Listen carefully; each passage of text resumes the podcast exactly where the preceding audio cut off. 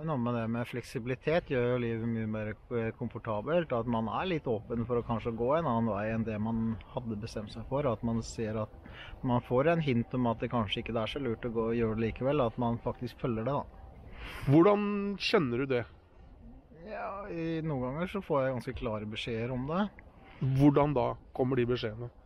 Ja, det, kan være, de, det kan være alt mulig. At de ting legger seg i veien, eller uh, at de sier til, dem, til meg, eller viser meg det. Det kan det være stemmer, eller du får en idé om noe annet, eller det kan være mange måter OK. Ja. Så ikke være så stri og ikke så sta, og være åpen for å gjøre ting man blir guida mot.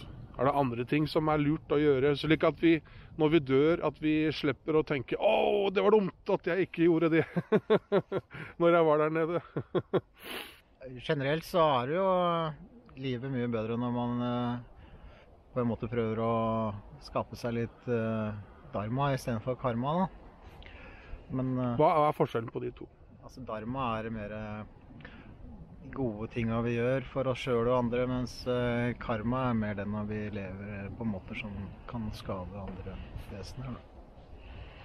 Så leve et kjærlig liv eh, med kjærlighet.